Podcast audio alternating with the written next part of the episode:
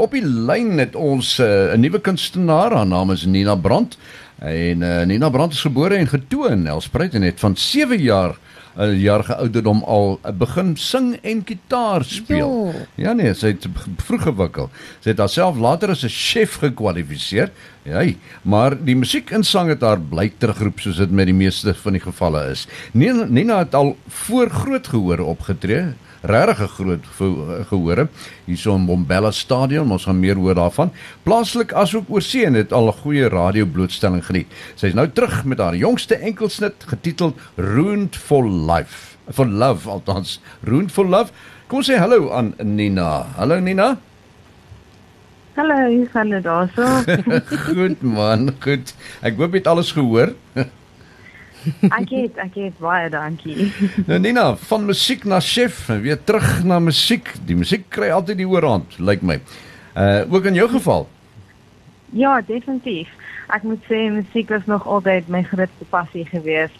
Um ek het toe ek 16 jaar oud was, was ek op Idols geweest en um ek het dit so baie geniet en toe um musiek eers skool klaar maak en van daar af het ek gedink dat ek ja. my verder laat kwalifiseer as 'n chef en um, terwyl ek dit gedoen het, ek het dit definitief geniet, maar die passie vir musiek het net ja. altyd teruggekom. Ehm um, so ja, dit dit skyn definitief baie sterk hier. nou wanneer het jy besef dat jy verder moet gaan met jou sang? Wanneer het dit deurgeskemer? Ek dink ek het nog altyd groot geword met musiek rondom my en my boetie speel ook uh, gitaar en ons het altyd lekker saam gesing en mense het dit net so geniet as ons op vakansie is of almal net hoor dat ons saam sing en van daar af het ek net ek kon net nie dit ook nie doen nie so ek het so baie geniet um en ek sien hoe gelukkig dit ander mense maak en hoe gelukkig dit vir my maak die besluit ek net nee ek kan nie nie hierdie doen nie um en toe van daar af begin ek liedjies skryf en ek geniet dit ook net so baie um, om aan 'n storie te dink of iets wat met jou gebeur en dit in woorde in te sit en en dan in 'n liedjie in te maak.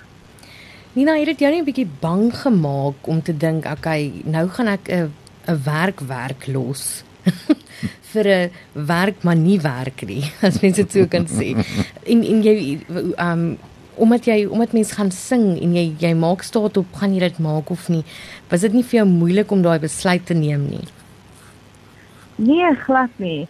Ehm um, ek dink as mens iets geniet dan dan maak jy dit werk. Ehm um, en ek moet sê ek is ek is nogal veelsidig so al ek is so lief vir musiek, sal ek nog steeds op iets anders doen en ek dink ehm um, nee om net te sien hoe, hoe mense dit geniet en mense jou so graag wil ondersteun, maak dit definitief baie baie worth it. So ek is glad nie bang nie. Ek sien net meer uit vir enigiets. Nou buite sien waar jy dit my vat. Nou buite die musiek, waarmee hou jy jouself besig?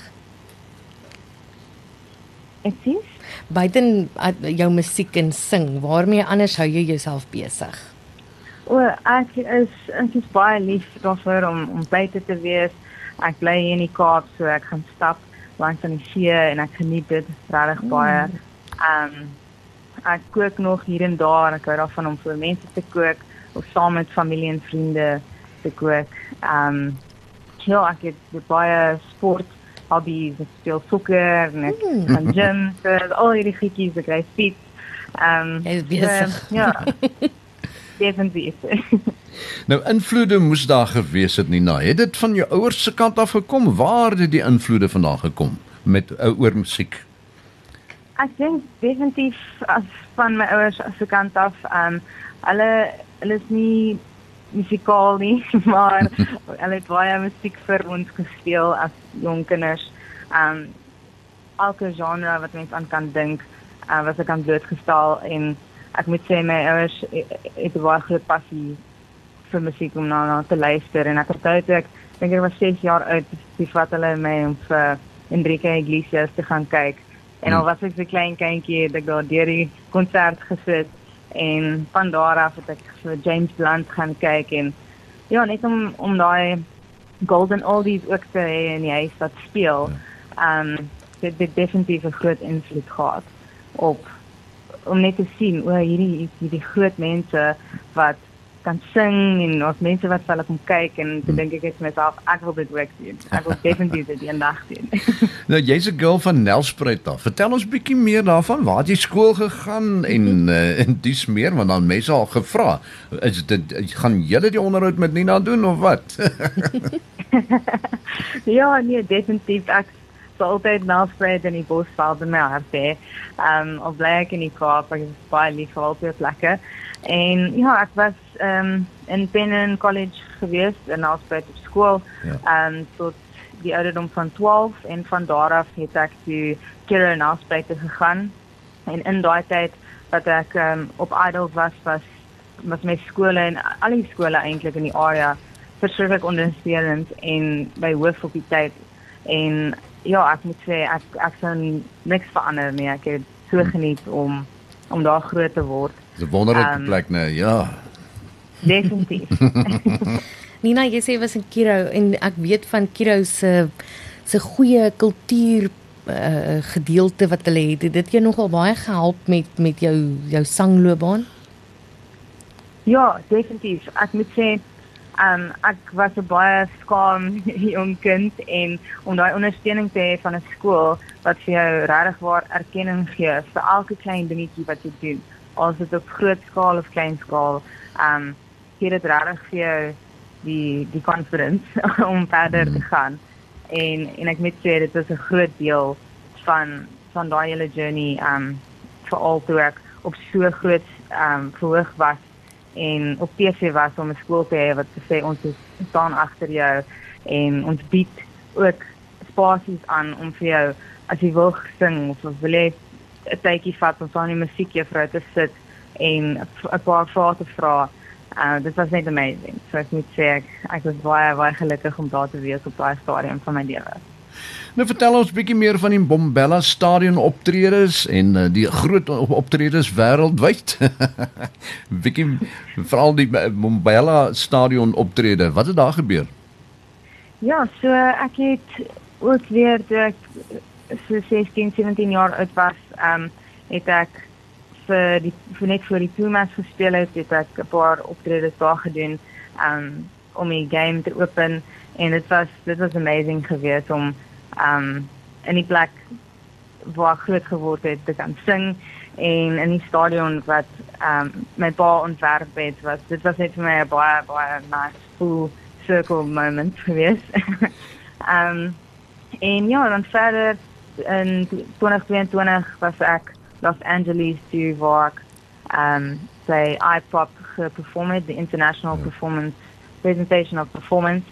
Um in daar was omtrent uh, 100 managers van oral oor die wêreld wat kom kyk het hoe mens audition ja. en um ja, record labels, al daai tipe dinge. Sure. En ek het uh, 15 callbacks van hulle afgekry. en van daar af het daai net vir my deure oopgemaak. So ek is baie gelukkig om in daai plekke te kon optree. Dit moet ongelooflik gewees het om voor hoef daai mense, daai duisende mense, nê, in daai stadions uh, op te tree. Nou, hoe voel jy? Hoe het jy gevoel? Definitief. Ek um, ek dink ek het baie klein gevoel in so 'n groot spasie. Ehm um, en ja, dit was net ek dit was baie overwhelming. So ehm um, ek het regtig geniet om om almal se gesigte te sien, almal te sien wat so uitsien vir 'n game, um en jy net aancheer. Het jy dit uh, geteken al met 'n platemaatskappy? Hallo? Hallo, hoor jy ons? Ekskuus, ek het julle daar verloor. nee, o, wat ek gevra het is het jy al geteken met 'n platemaatskappy? Ek het nog nie. Ek is nog die hele tyd 'n uh, independent artist. Um ja, dit is ek het 'n kans gekry in in Amerika laas jaar om te teken mhm. -huh. um met management in New York en ongelukkig het dit nie uitgewerk nie. Um so ek het net besluit mens kan regtig musiek van enige plek in die wêreld maak en ek het amazing mense wat ek mee werk. Um so ek kan ek is sien net uit om nog musiek te skryf en vir die hele wêreld te gee. Um, maar ek sien uit om wel 'n span te bou en hopelik mense op my pad te kry wat ek ja, eventually meer mee kan doen. Want ek dink om 'n span te hê is baie belangrik in hierdie in hierdie day and age. Maak sosiale media dit vir jou makliker om jouself daar uit te kry of is jy is jy gemaklik met dit of of so? Ja, definitief. Ek dink sosiale media is definitief een van die die grootste bates ehm um, wat ons het as kunstenaars, maar ook daar is so baie mense wat wat ook goed is en ehm um, ek dink mense word ook baie keer bietjie geflood met al die inligting, maar vir my is dit is dit 'n awesome tool om te hê. Ehm um, ek moet sê as nie vir dit was nie, dink ek dit, dit maak dit nogals moeilik om vir mense te laat weet wie jy is en en dit is so great om om net te weet jy kan nie foon opdaal en jy kan met duisende mense praat. En ek moet hmm. sê die mense wat my follow is verskriklik ondersteunend en en ek ek ja, Ek sê net dankie vir almal. ja, die tye wat ons in leef nê. Dit bring by ons ons by jou jongste vrystelling Ruined for Love. Was daar iemand in jou lewe wat die liefde vir jou probeer verwoes het of wat? Hoe werk dit? ja, ek dink ek het hierdie liedjie geskryf um vir mense wat wat definitief almal gaan maar deur um heartbreaks en en ek wou nie 'n liedjie skryf wat um ja, wat so 'n bietjie sad is nie. Ek het gedink dis iets waar so baie mense mee sukkel of iets wat almal deurgaan en die liedjie gaan eintlik oor ehm um, om deur daai daai te werk en net te wees dis dis okay. So jy gaan aan en dis eintlik eintlik maar leerskoot. Ehm um, so ja, ek wou 'n liedjie skryf wat weet meer upbeat was, uh, wat nog wat mense nog steeds na luister en dis is okay, ek was ook ek het ook deur daai gegaan. En ja, so ek dink nie dit was iets spesifiek nie, dit was meer 'n storielyn um vir vir mense om te kan ja. relate. Sê vir my, so, moet elke liedjie 'n boodskap vir jou uitdra wat jy sing en en skryf of kan jy sommer 'n catchy liedjie ook sing, 'n lekker ligte enetjie? Ja, ek kan ek kan enigiets sing. um, Ja, ek dink as ek skryf, sal ek graag seker wil maak die die musiek ehm um, beteken iets vir mense al is dit iets catchy al is dit ja. net om iets fun te sing. Ehm um, as ek skryf, sal ek graag ja, 'n bietjie meaningful wil wees, maar ek ek as ek optree, uh, skryf ek of ek sing lekker liedjies wat wat dan net is om seker te maak dat almal 'n goeie tyd het. Nou waar is jou musiek oral beskikbaar? Is dit al al die platforms beskikbaar op hierdie stadium? Ja, my musiek is op elke platform wat mens kan aandink. En uh, ja, dit is uh, natuurlik Twitter en ehm uh, uh, WhatsApp, ag ons ehm Spotify, Spotify en YouTube en al daai dinge. Ja, mm. YouTube music, music, Amazon music, Spotify, Deezer, al daai al daai plekke ehm um, vir my vind onder Nina Brand. Ek hoop ons sien jou binnekort een of ander stadium hier op ons uh, Laagveld verhoog. Ek meen dis waar jy vandaan kom, so ons wil jou graag terug hê. definitief. Ek sien ook uit om om 'n paar shows te kan doen. Dis dis definitief 'n 'n plan vir vorentoe. Nou Nina, baie dankie dat jy met ons gesels het en voorspoed met jou loopbaan. En uh, ons gaan nou jou jongste uh, snit speel. Sy naam is Ruined for Love. Baie dankie vir jou tyd. Baie dankie julle. 'n Lekker dag verder. Goed verder, hoor.